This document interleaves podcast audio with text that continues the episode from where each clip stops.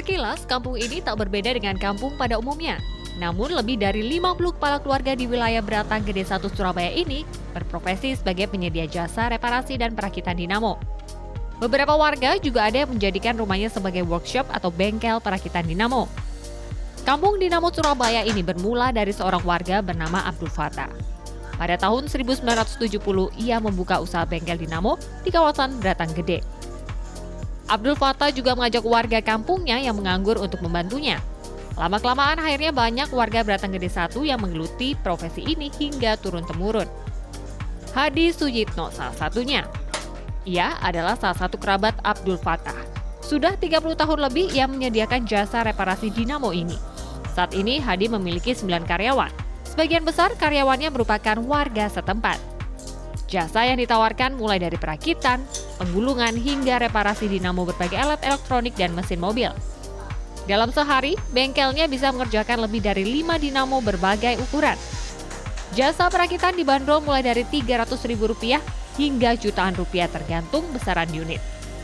Prosesnya mulai dari barangnya dibongkar, habis dibongkar, diambil kawatnya semua, dikertasi, habis dikertasi, digulung, habis digulung, dilak, habis dilak nanti disetel lagi, dirakit gitu. Habis itu dicoba untuk pendingin AC atau untuk pendingin ruangan atau pendingin eh, ikan, ayam.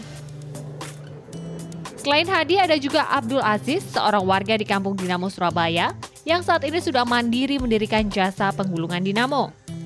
Puluhan tahun menggeluti profesi ini, Aziz melihat semakin banyak warga yang bisa mandiri menjalankan usahanya. Namun menurut Aziz, saat ini jumlah pelanggannya tak sebanyak dulu. Setelah barang impor dari Tiongkok masuk ke Indonesia, masyarakat lebih memilih untuk membeli dinamo baru yang harganya lebih murah.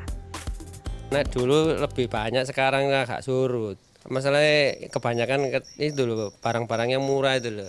Kan nggak ada alumini, yang kan kebanyakan alumini. Jadi kualitasnya sekarang gampang kobong kalau mesin cuci kan alumini semua. Tak ada strategi khusus dalam pemasaran jasa Kampung Dinamo Surabaya. Rata-rata warga mengetahui kampung ini dari mulut ke mulut.